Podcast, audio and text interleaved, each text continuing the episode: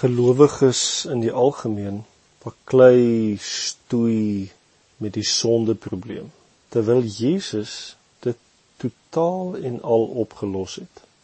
Soveel gemeentes, soveel teologiese strome se fokus is sonde en nie lewe en oorvloed nie, oorwinning nie. Ek gaan probeer om jou te help om die regte perspektief op die sondeprobleem te kry. As ook die rede hoekom gelowiges nie eens en vir altyd hierdie saak kan afhandel nie.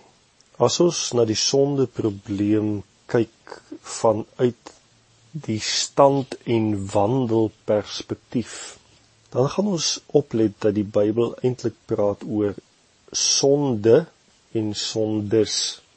Dit is 'n baie belangrike onderskeid wat ons hier moet tref. As ons by die kern van die saak wil uitkom. In der waarheid verstaan die meeste mense nie dat daar 'n verskil tussen die twee is nie. Kom ons kyk na sondes. Sondes is dade, handelinge in ons wandel wat verkeerd is volgens die woord van God en die resultaat is skuld in ons lewens. Onthou sondes is eintlik die manifestasie van 'n dieper probleem, naamlik sonde. Ek wil nie tegnies raak nie. Jy moet regtig mooi luister hierna. Dit gaan jou baie help.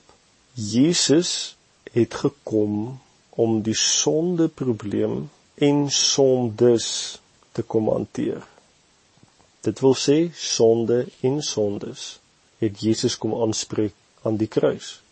Voor die kruisdood van Jesus op Golgotha het Jesus sondes vergewe, skuld vergewe op die basis van sy autoriteit en in sy naam Onthou, hy was die prys wat betaal is nog voor die grondlegging van die wêreld.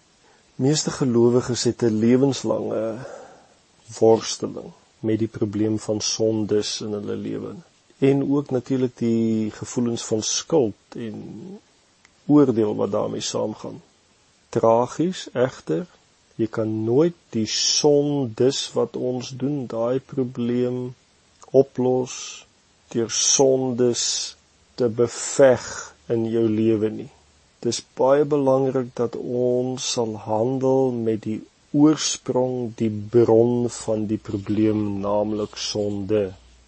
Die woord sonde beteken om jou doel te mis waarvoor jy eintlik geskep is. Die enigste regte definisie van sonde na aanleiding van Romeine 7 is dat sonde 'n wet is wat geheers het hoor my taal. Sonde is 'n wet wat geheers het oor die mens. En onthou 'n wet kan net verander word deur 'n hoër wet daarom sê die woord in Romeine 8 vers 2 van die wet van die gees van die lewe in Christus Jesus het my vrygemaak van die wet van die sonde en die dood. Sonde is donkerte wat 'n wettige reg gekry het in die mens se lewe en om te heers in die gees van die mens. Onthou sondes is wat gebeur in jou vlees, jou liggaam en jou siel. Gaan deur jou liggaam en jou siel word gedoen deur jou liggaam en jou siel. Maar sonde is in die gees van die mens.